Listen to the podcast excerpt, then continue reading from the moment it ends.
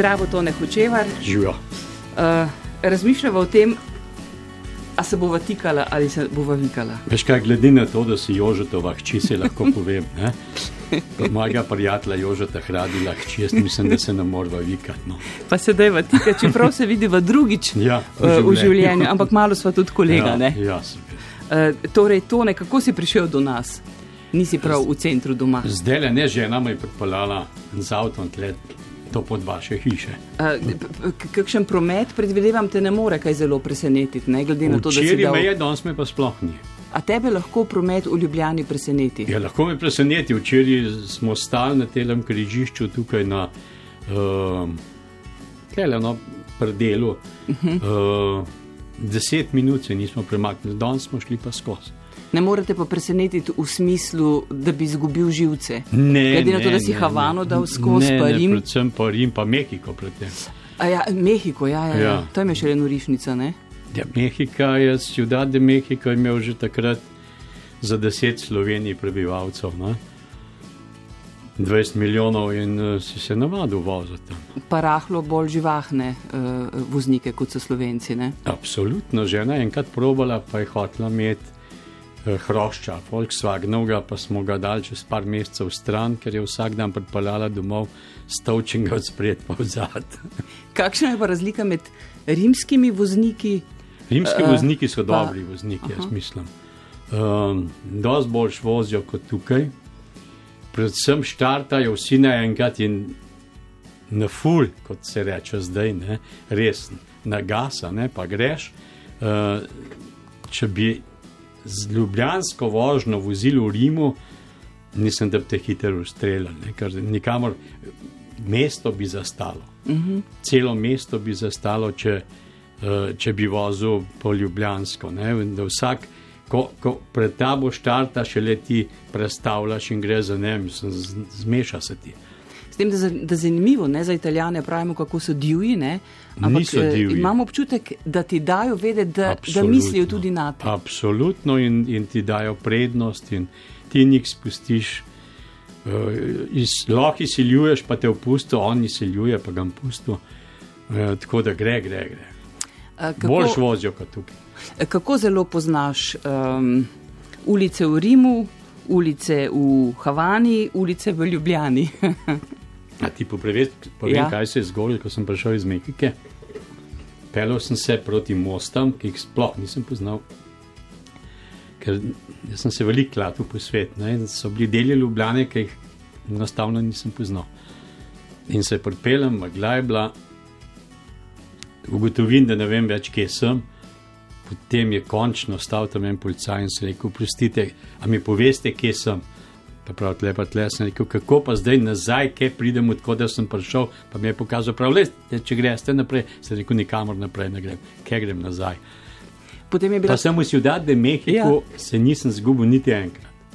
A je vse zelo logično. Ne vem, ali sem bil pa tako mlajši, pa sem se vse zapomnil. Je logično po kolonijah, je razdaljen in enostavno se pele samo do tiste kolonije, kamor greš, ne, to pa že veš, kje prideš do nje. Ne, in pol je enostavno. V New Yorku sem vozil prvič, prvič sem se usedel v avto v New Yorku, sicer me je pelil en šofer, ki je prišel iz ambasade pome. In uh, je bil živčen, čist, je bil v sebi, je rekel, kašen promet. Sem rekel, jaz sem prišel pa z Mehike. Ne. Sem rekel, jaz, jaz ga pa ne vidim prometa, ne. res ga ni bilo, prav za res ne. In pol, ker je bil že v živčen, sem rekel, dajte tam le pri kraju ustavite, sem rekel, dajva zamenjati. No. Uh, no in grem jaz pelat in sem rekel, dajte mi naslov, kam greva. Pa mi da naslov, pa jaz pa mirno pelem naprej, ne. Pa en cajt prav. Je kako, a sploh veste, kam gre, sem rekel, vse ste mi dal naslov, ne? Ker v New Yorku je pa na Manhattnu je Po zelo logiki, ne. preprosto, ne? Mhm. Črke pa številke in letiš in pridem do tiste bajte, kamor sva šla. Prav, kako ste pa lahko tako hitro prišel sem, ko ste mi videl naslov. Prav, jaz se pa toliko kol vozim zmeri. no, to je tako. no, Ljubljana ti je se, no. najbolj zagonetna. Ne? Ne, ja. Eh, ampak, eh, ko si telegrame razvažal po Ljubljani, Ja, pa Takrat sem se poznati, pa ne? vozil z mopedom ali pa z biciklom. Ja, kako pa veš, da sem telegram zelo to veš. Ja, no. ja, to s pa z mopedom, pa z biciklom. Pa To-. Peter Leskovar je sva delala skupaj, te vlado, ta obrat pokojni. Aha, tudi on je vozil telegrame. Ja, ja, ja. To je bilo študentsko V delo? študentskem delu, ja, z- dijaka mislim, da so bila še dijaka. Tri minute do pol petih, prav toliko do novic na valu. Tone Hočevar, novinar, publicist, prevajalec, nekdanji televizijski eh, voditelj dnevnika, poročevalec, dolgoletni delov dopisnik Latinske Amerike, Rima in tako naprej, in tako naprej, sopotnik na valu do pol šestih.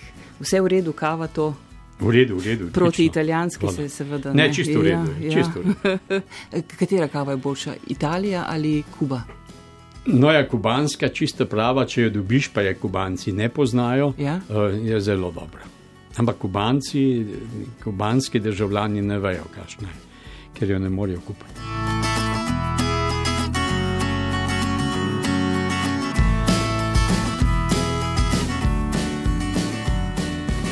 Tone Hočevar, novinar, publicist, prevajalec, delodopisnik iz Latinske Amerike, Rima, voditelj televizijskega dnevnika, vse sorte.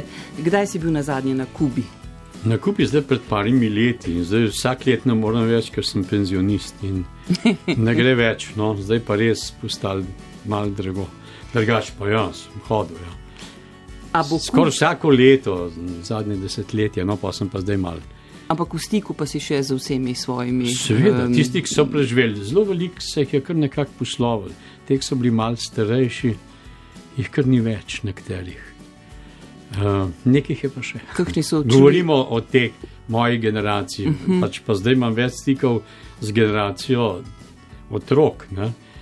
Uh, sin, pa hči, hči, pa sin sta imela tam so šolce, ki zdaj je še neki tam, te pa tudi odhajajo iz Kube, zdaj že ta zadnji odhajajo ven. Um, Te, ki so v šolo hodili, pa tako so šli vsi ven. a deliš mnenje, že kakšnih deset let um, napovedujejo, če želiš. Na Kubo pojdi zdaj, ker potem ne bo več taka, kot je bila. Ne, ni ne več taka, več tako pristna. Bila, ne. ni več taka, kot je bila, ker uh, vsi skušajo preživeti. To ni mm. več tista Kuba, recimo iz 80-ih let, ki je še nekako bil ta Fidelov sistem, ko je deloval. Ne. Potem je pa nehal. Zdaj je pa Castro delovati. sistem, ki ne deluje. Zdaj pa Castrov sistem, ki deluje zelo po Castrovo. Živijo od žlahte v Miamiju ali pa od prostitucije. Ne. Ampak Drugega ne morejo, se nič ne delajo, nič ne pridelujejo. eh, zdaj prihajajo volitve, ne? To niso volitve. Mislim, pač nekaj, ko bo ta, To eh, nekaj to sem si zapisala, volitve, tale je- podpredsednik, ne? Ja, imenoval ga je za Miguel, ja. naslednika. No, bomo videli, če se ne bo spremenil. Tudi Fidel je že dva imenoval in ko je Raul prevzel, jih je dal takoj v arest. Tako Ampak to- Raul je povedal jasno, da 18. ali katerega aprila odhaja. Odhaja Karkoli to iz že pomeni. predsedniške palače, ne pa z oblasti. Aha. On bo šef partije in bo še vedno vsem odločal, njegov aparači, ki ga je imenoval za kot naslednika, kot predsednika, bo pa tam sedel in je nekdo, ki nima nobenih, ne karizme, ne, ne, ne izkušenj, ne nič. In familija bo še vedno na vseh pol položajih. Absolutno, ne? če Eh, ne na vidnih, pa na manj vidnih, seveda. Trump je omogočil, ne, da Trump familija je Castro, imperij še omogočil- vedno ja, ja, ja, ostane. ja, ne? Absolutno. Ker oni so bili v nevarnosti, da bojo zgubljali eh, kontrolo Castrovi, uh Mhm. -huh. familije Castro, rodbina Castro. Eh, ko je pa Trump majhen pritisnil, so pa spet lahko zajahali konja in, in šli naprej. Pa vse to so, američani so jih ne nehno držali na oblasti. Američanom ustreza, da so tam Castrovi kot razmeroma trd režim, ki kontrolira, gre tok in tok mamil čez Kubo, mm. ampak ne, ne nadzorovano. Ne? Uh, Raulov starejši brat ali kako že Fidelov starejši brat je bil tvoj Skor sosed, skoraj ja, sosed. Ja, ja. Uh, kako- Zanimiv gospod je bil. Ja. Bolj smo ga Dostopen poznali gospod? na, na sprejem, on, on je bil pa zelo dostopen. ja. Mhm, Ampak ni bil v politiki. Ne, ne, ne. ne. To potem torej, en- politiki so bili vsi pomali. En redkih, on je imel svoje funkcije, tam neki s kmetijstvom se je ukvarjal na posestvih, ki sta jih brata uh, nacionalizirala materi, ne, je on potem upravljal to. No? Uh -huh. Dokler je upravljal, ne, potem je pa predvsem je hodil po sprejemih. Tale... Se ga je mal napil, pa je šel pa domov. Ja. Tale Raul, ki je zdaj na oblasti, ja. ne. Um, tega si osebno poznal, takrat, ko si mu tiste plošče malo se no, prenosil, kako je bilo poznal, to? Osebno, ja, Mislim, ja, no, seveda sem ga videl. Ja, si prišel jasno. v njegovo bližino na nekaj ja, ja, metrov. Seveda, tudi, tudi s Fidelom sem komuniciral, ne pa imel intervjuja, ki sem ga uh -huh. omembe urednega.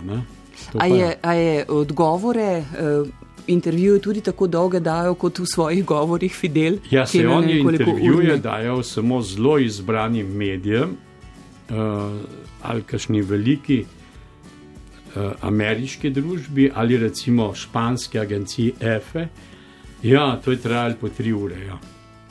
On si je zbral, se spomnim, da je imela španka, kolegica, z njim intervju, ki ga je čakala nekaj mesecev, in smo bili pri njej, smo imeli fešto, uh -huh. pri njej doma, in so kar naenkrat v nekaj enajstih zvečer prišli po njo.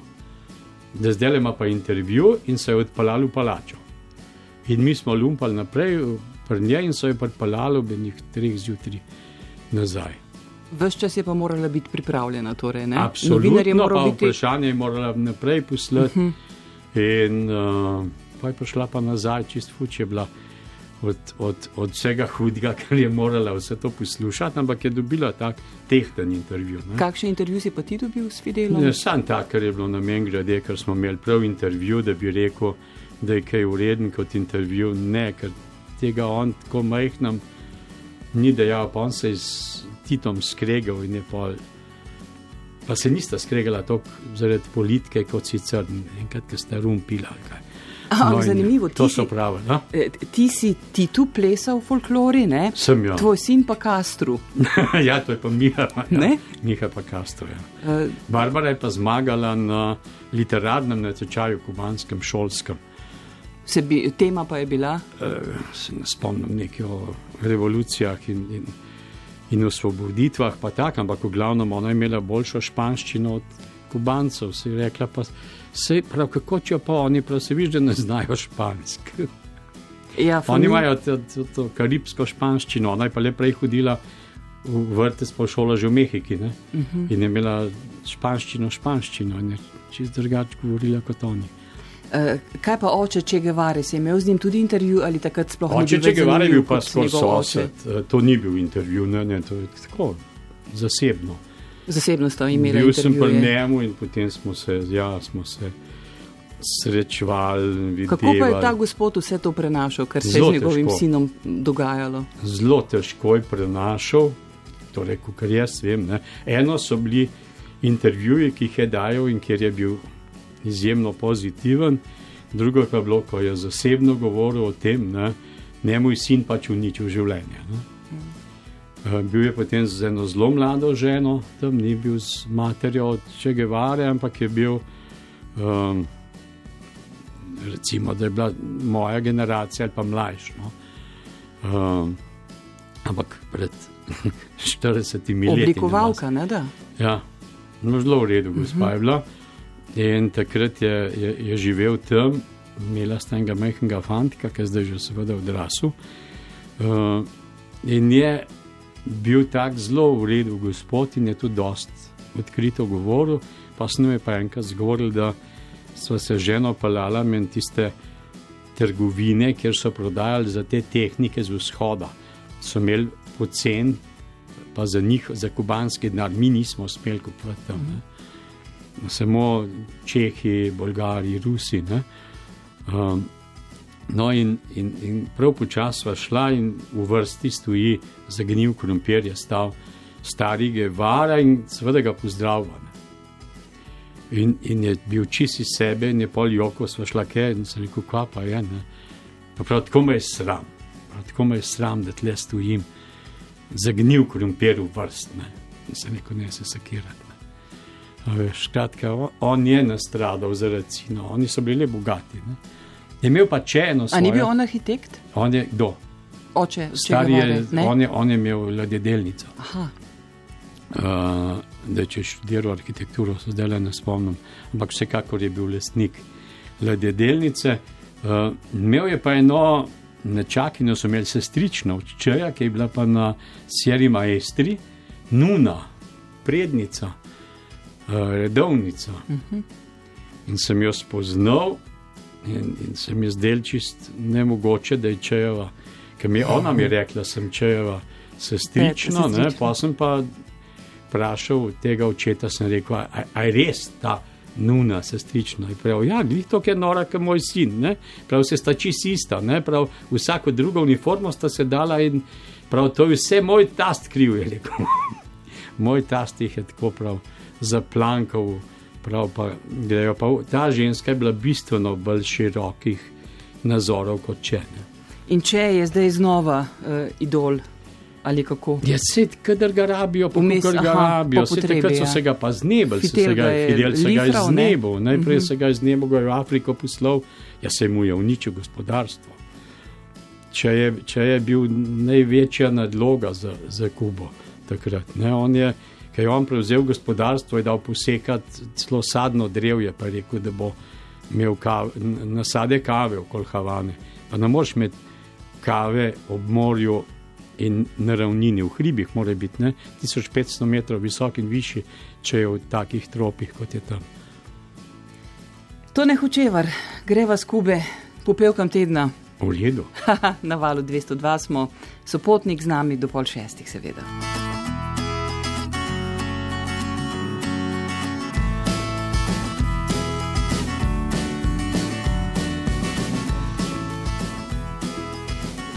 Tone Hočevar, sopotnik na valu 202, vrsto let v tujini, dopisnik iz Latinske Amerike, uh, iz Rima, poročevalec in potem nekaj časa tudi um, voditelj televizijskega dnevnika, sedel si, najbrž ta stres in adrenalin, ne, uh, kaj bi rekla, ni primerljivo z nobenim od tvojega prejšnjega dela? No, no malo je drugače, pa mehen se moraš skoncentrirati, to je res, ne?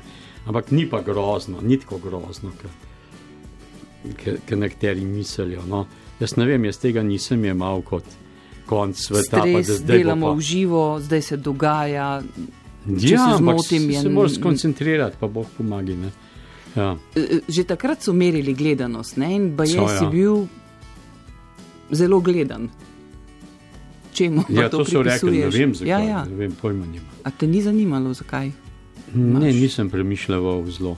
Ne? O tem, zakaj. Poskušal sem pač govoriti po svoje, če se je dal čim bolj naravno, brez. Ne vem, v redu. Ta Jaz sem se čist dobro počutil. Ta trend, uh, takrat je bil samo ta trend, da so preverjali gledanost. Uh, ja. Zdaj se ti trendi. širijo in širijo. Boš, ja, in upajmo, da ne bo edino merilo. Ne? Te kdaj skrbi? Zdaj mi že malo skrbeti za to, ker, se, ker, je, ker so te mediji, pa ne mislim zdaj nacionalke, ampak mediji so tako zabredli s temi raznimi igrcami, tako ali pa drugače, se ti zga nagledam teh raznih šovov. Ne, tam je zabredil, ne vem, dnevnik na nacionalki še zmeri kar nekako kar nekako gledljiv, bom rekel, v redu, je, no se se matrajo. Važen je, da se ne merijo s komercialkami, ne? ker to jim je zelo škodovalo. Pa ne vem, če so se takrat zavedali. Je pa res, ne? mi smo bili um, v zelo uvati pod zvonom. Ne? En sam program je bil, ne? ti si se prilagajal svojim šefom in publiki, ki je bila gromozanska. Ne? Pa so začeli pa tekmovati za kanalom Spop, uh, ne vem koliko jih je zdaj, saj njih pet. Uh, in potem moš, če hočeš nekako tekmovati, ne spuščaš nivo. In priješ do ene ravni, ko že skoraj ne moš več spuščati. Ravni, pozabiš ne? na svoje prednosti, ja, ki jih imaš ja, pred, ja, imaš ogromne pred drugimi. Nacionalka ima ogromno enih prednosti, jaz mislim, da se bojo vrnili. Se zavedajo, se, se, že, se zavedajo. Dovolj svojih prednosti, no vse zadnje. Je počasi, imamo... mislim, da ja. Kaj pa, da se časopisi uh, prilagajajo, kaj pa vem, medijem na spletu med, med drugim. A te to kaj presenetilo? Zelo težko in, in razočaralo, bolj kaj presenetilo. presenetilo me pravzaprav ni, ker vsak skuša preživeti. Ne? Tudi, tudi uh, časopisi, tudi dnevniki ne? skušajo preživeti, ampak da bi pa šli včasih toliko delež, da bi se prodal za pet para, kot se zdaj že dogaja pri nekaterih eh, časnikih, je pa že mal hudo. Ne? Reklame so padle, cene reklama, ne? vedno niže. Tisti trenutek, ko so se pojavile te zasebne televizije, ki so pač prenesle denar na trg, ne? ne samo svoje ime, eh, je, je že prizadelo nacionalko. Ne? in, in je cena reklam padla na tretjino, že takrat. Ne. Eh, za, za časnike je pa to še huje. Ne. Tako da to cena je, je, je minimalna teh reklam, in pa imaš cele strani reklam, zasluž se pa malo od tega, in vsi se prilagajajo. Pa meniš, da se, uh, reka, da se družba zaveda, da medije potrebuje, ta prave medije. Zdaj, kaj je družba, kdo je družba? Jaz ja. mislim, da tisti, ki razmišljajo svojo glavo in malo bolj, seveda, vedo. Vsi pa ne. Vsi pa ne. ne. Zato to se vidi tudi pri politiki, pa ne mislim samo Slovenije, tudi sicer v Evropi. Ne. Ta populizem, eh, to je beseda, sicer, ki jo zelo radi zdaj uporabljamo, mm. ampak ta populizem je bil doma že v 20, pa 30 letih v Evropi, ne, ne samo zdaj. A? In se bojim, da se ta populizem, ki se potem lahko izrodi v karkoli skrajnega, ne? in to se zdaj dogaja že po malem, povsod, pa vse stranke, to je tako podobno, kot se redakcije prilagajajo trgu, ne? Se tudi politika prilagaja trgu. Uh, kajti tudi znanje se prilagaja že trgu in, in Google in, in trem stavkom neke informacije, ne pa več celi knjigi. Ne? Se ti zdi, da je šla ta neka odgovornost, bom rekla, tudi, tudi medijskih delavcev, novinarjev, eh, da je manj te neke zavesti, da so ustvarjamo? Seveda je manj, bistveno je manj, mislim, da je pri vseh nas je manj tega. Zato včasih se zdi, da je to sproščenost, pa ni sproščenost, to je bolj šlamparija, bi rekel. Kaj pa mediji um, v Italiji? V Italiji, podobno kot pri nas, ali pa še majhen bolj, uh mhm. -huh. tudi tam se dogajajo podobne stvari, seveda se, kako naj bo drugače. No, Italijani so nekaj korakov pred nami. Ne? Tam je uh, ta cenjeni populizem, ki ga bo treba resno analizirati, kajti to so zdaj ljudje, ki, ki, ki imajo večino za seboj, ne? ker imajo ljudje dost vsega, ne? dost imajo teh klasičnih politik, ker politiki so vsi prodajali meglo, ne samo te, ki so populisti. Ne? In zdaj nekaterim smo recimo verjeli, ne? pa pa ugotoviš, da tak je zdaj prišel iz nič, ne? isto prodaja, ravno tako pa nič ne naredi, kot on prej ni naredil nič. Uh, to je zapleteno, v medijih je, je pa podobno, ne? ampak na vseh ravneh se to dogaja. To ne hočevar, val 202, minuta do petih, še kakšno kavo? Uh, ne, hvala. Dovolj? Koliko dovolj. na danjih pa? štiri, vsaj. Opa. To je bila ta peta. Ker sem prej pisal, veš, sem pisal članek za delo kult, pa članek za nekaj o futbalu, sem moral narediti italijanskega za športno redakcijo. In ne moreš, da ne bi kave pil? Ne, ne morem, ne morem. Okay.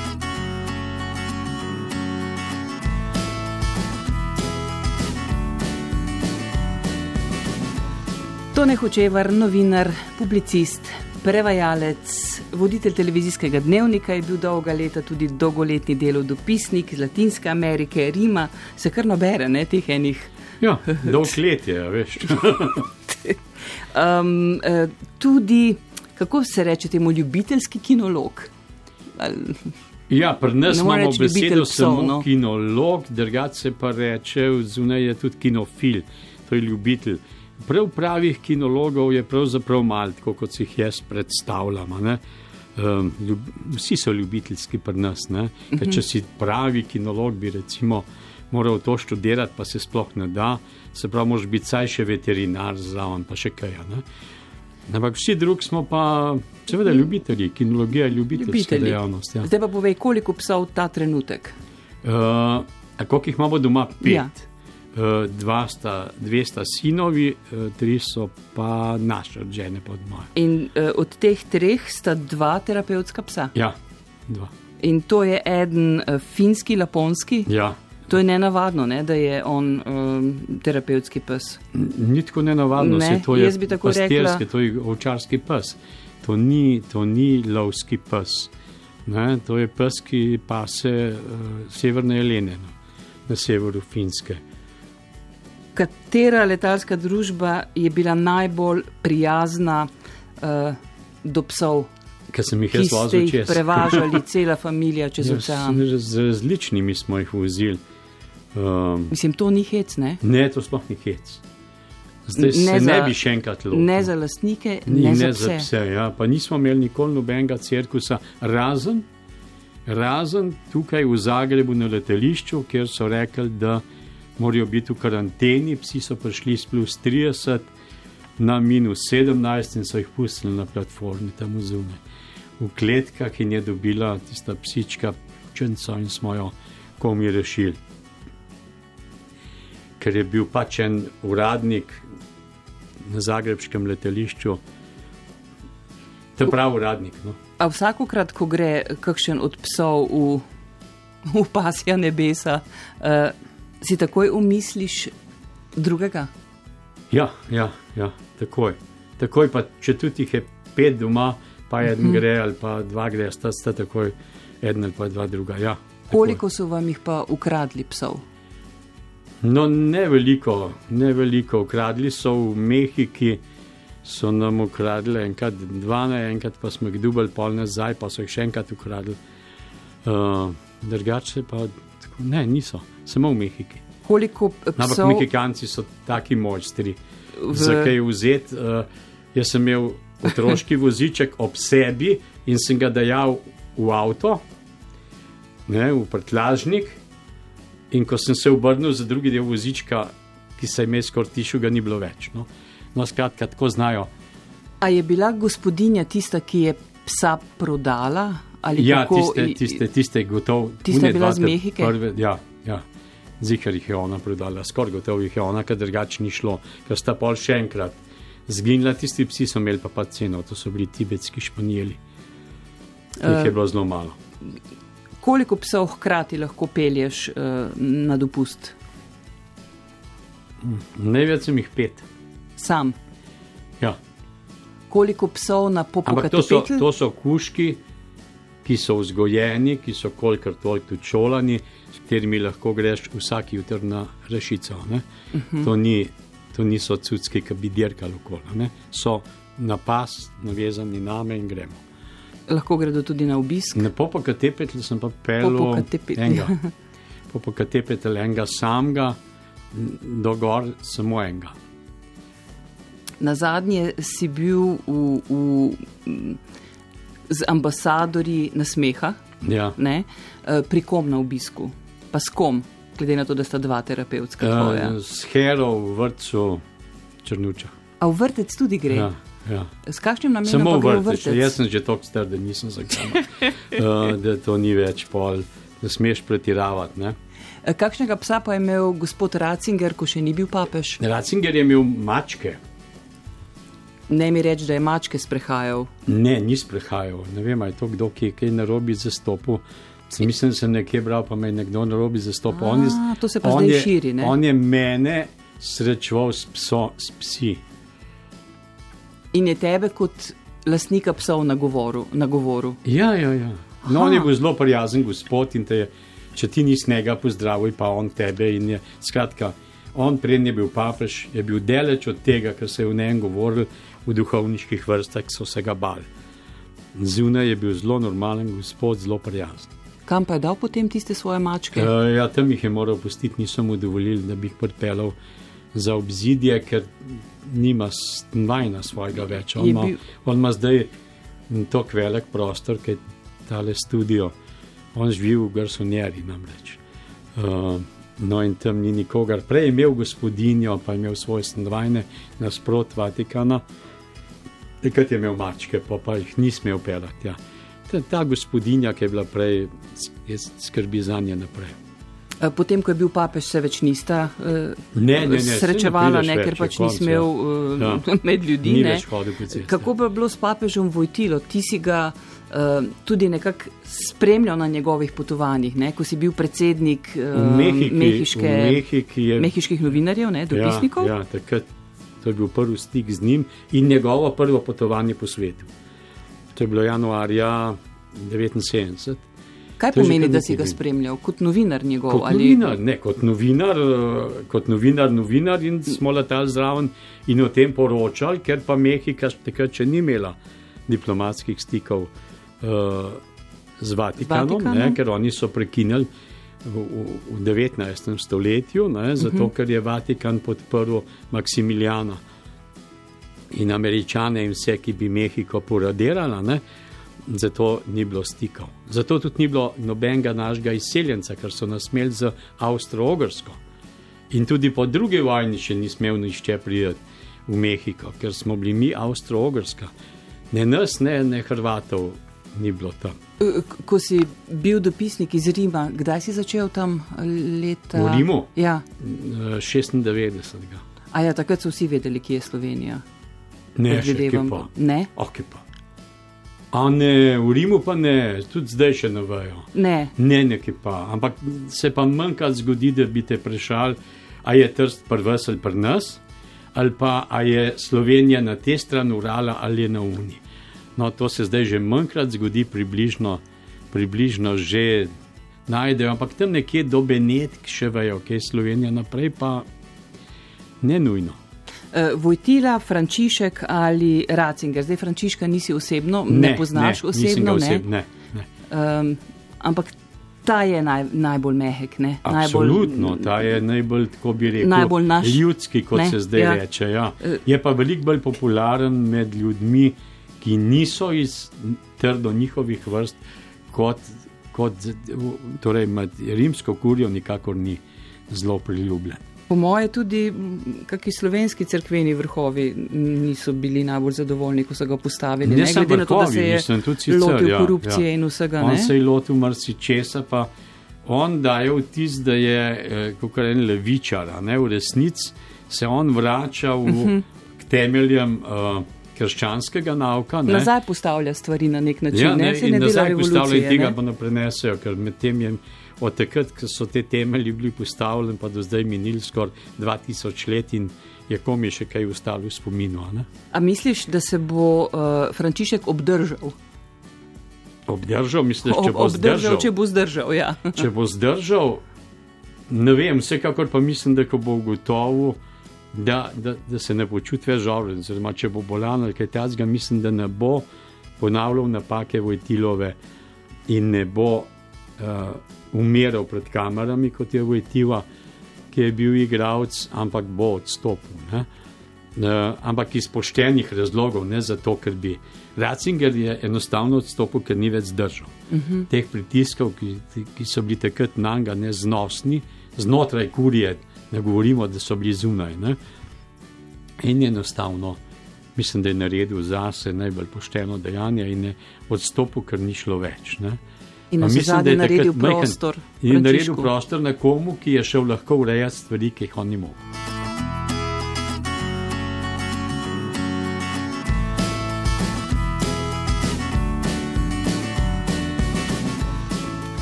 Tone Hočevar, sopotnik na valu 202.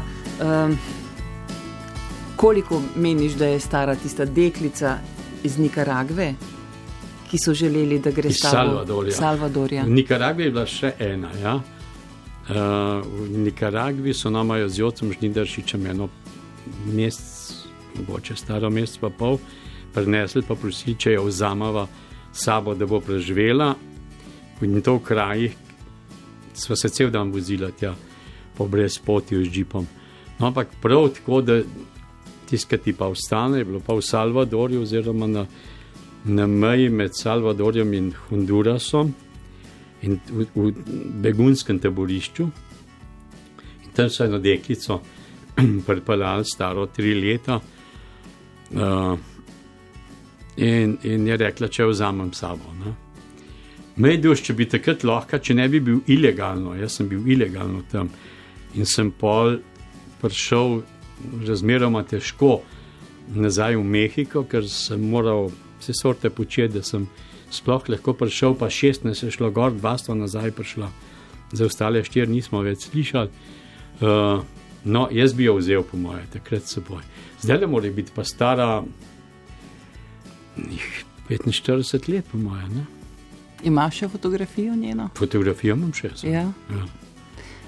Zdaj, strah najbrž ni tisto občutje v spredju, um, ko vidiš toliko nemoči, toliko bede uh, in, in, in strahu. Ja, ampak tvoj strah ni bistven. Ne, ne, takrat je nemoč. Takrat je ja, v, v takih trenutkih je nemoč, sicer moraš pa gledati, da boš preživel, predvsem moraš ne nehno misliti na to, da ne boš naredil nobene posebne neumnosti, da bi škodoval sam sebi ob vsem, kar se ti dogaja. Ne? Tako da nič ni tako groznega, no? samo moraš razmeroma hladno razmišljati in da skladno reagirati, uh, oziroma zelo hitro reagirati, kadar vidiš, da je treba teči. Za, ja. za, za komparativista, ne, to, kar ja. si v osnovi, ja. za nekoga, ki se je upisal na Sorbono, ne, ja. uh, da bi še tam ja. malo študiral, ne, si imel zelo razborljivo življenje. Ne. Ja, očitno sem mm si ga tako zbiral, ali se je pa življenje zbiralo mene v trenutkih, ko ne vem. A ti je. Uh, najbolj logično vprašanje je, ne, kako pogosto te je bilo strah, kdaj te je bilo strah, ko so merili vate z mitraljezi. Eh, ogromno teh dogodkov je bilo. Če tega ampak... ni nikoli strah, laže. Ne? To je jasno. Seveda te je strah. Ne? Ampak kaj tebi ta občutek, um, da delaš, da te je ta občutek na nek način ščitil? Meni Mogoče, se nekako ja. vendarle ne more. A ne, to nisem nikoli mislil, da se meni ne more zgoditi. To pa ne. To Ampak kot odgovorno Ker, delo. Čim bi pomislil, da se mi ne more nič zgoditi, potem se ti hitro lahko zgodi, ker narediš neumnost. Ne? Sej mrzkej, kar sem takrat počel, zdaj ne bi več počel. Ne? Kaj pa je bilo recimo bi najbolj neumnega? Na meji, velika ti je bilo kaj, ne vem, v Nikaragvi smo mrzkero neumnost počeli, v Salvadorju tudi. Ne? Um, ne vem, v Gvatemali sem imel tri državne udare, preživel enega v Peruju, enega v Boliviji, um, da še keno.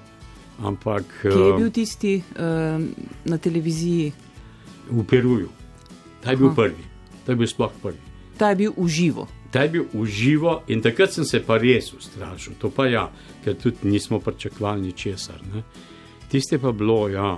No ja, dva indijanca sta stala pred mano z brzostrelkami. Ampak, Ti pa si pač poročal, jaz sem pa, jaz sem pa govoril. Ja. Ja. Ampak sem pa tako, da sem, dragi gledalci, dragi gledalci, dragi, trikrat rekel, ne? ja, normalno, no, se je slaš, pa tudi ne veš, v resnici nisem vedel, kaj se dogaja. Kakšna pa sta bila tista dva indijanca? Čez majhna meter pa polna. Ja, to prava, ne, se te reveže so imeli za vojake navadne, ne. A si te prijazno so bili v celje. Ja. Ja, ne se nista nič hotla, on nima so rekli, da morata tja iti pa, pa držati šnelfajarce, pa sta jih. Ne. Kaj pa amazonska džungla? Ja, zanimivo je bilo, ne, tja bi šel še enkrat, bi? zato ker me zanima, kako je zdaj. Ne. Takrat so šele odkrivali nafto, zdaj pa vse, kar berem iz tistih krajev, so grozne nesreče ob naftovodih, kjer eh, so požari, kjer jaz mislim, da grejo cela plemena zubljiv nebo. Ne? In to so bila plemena, ki niso razumela ničesar, ki niso imela nobenega stika z našo civilizacijo, ker so jim belci prav gotovo prinesli bolezni. Ne? Kako si se sporozumeval tam? Zelo težko, zelo težko, bolj z rokami kot sicer. Um, in komaj si našel koga, ki bi kaj. Prav domorodcev ni nihče razumel nič takrat zdaj gotovo zastopijo, ne? ker je to let minilo, takrat je minil 40, več kot 40 let, ne? 43 let je od, od, od uh, moje Amazonije ne? in od takrat je seveda se tam zelo veliko spremenilo. Od takrat imajo tam naftovode, ki pelejo 500 km delač. Ne? Vodniki so bolj na varnem, kot so bili, ne? Mojemu vodniku, od mojega vodnika je ostal samo levi škorn, gumijast. Ampak, uh, ja, sigurno so, bolj pa tudi zdaj ne rabijo več toliko. E, mislim, kako je bilo z, z njim? Ne vem, živali so ga, v noči smo slišali. Pa niste sicer. skupaj spali? Ne, mi smo bili v, v nečemu, Ali... ker bi bil zdaj kontejner. Takrat je bila to lesena, lesen velik zaboj, pa štirje pogradi, pa nekaj, kar je hladil. In potem ste ugotovili, da ga no, ni. Oni in njegovi so bili zunaj. Aha. Vse ni bilo za njih, za, za, za domače, ni bilo nobenih. Imeli so pač eno strehco, pa ne štiri kole, ko smo včasih rekli, štiri koli, pa pet palminih listov, pa je že hiša. Ne? No, tako je bilo. In eh, neč, ne se slišiš, kaj neki rjove, ampak so rekli, da ne smemo nikoli odpirati uh, urad. Ne? In nismo, seveda ne smeš, ne? Se, samo še samega sebe. Oni so se znali braniti, če so se obranili, pa takrat se očitno niso. Ampak vse to so grozne stvari, ki se tako lepo spomniš, ampak tam sodi to. Zraven tam je tudi nam je nagrada padla, v, se, se še spomniš, kaj je nagrada, tisti težek magnetofon. Ne? 20 kg, ja. 30. 19. 19. um, nagrada 3. Ja. No, pa nam je ta isti vodnik ven potegnil iz mulja. Ne? v, v džungli hodiš v bistvu po podrtih drevesih, ne? dol je vse voda, ne? vse mokro. Zelo težko najdeš tak kraj, kjer je recimo suho, da hodiš po trdna. Ne? Nisem bil pa tako dolg tam, da bi vedel kaj več. Ne? E, tragedijo beguncev si spoznal, ne? Že takrat, že zelo zgodaj. Zelo zgodaj sem jih spoznal. Zdaj pravzaprav se to dogaja pred našimi očmi. Ne? pred našimi očmi in nam tukaj. Ne? Mm -hmm. Sam ne vem, če hočemo to razumeti. Tragedija beguncev je, je, je bila večstopenska tam dol. Ne? Po en stran v Mehiki so bili večina mojih kolegov, so bili begunci, to so bili ljudje iz Argentine, iz Čila, iz Peruja, kjer so bili državni udari in, in so bežali. Ne? Uh, ne vem, tudi naš minister, kasnejši Bajuk, je bežal pred, pred argentinskim fašističnim, uh, to pred Hunto. Uh, ogromno jih je bilo, v Mehiki, Mehika je sprejemala vse in je zelo veliko,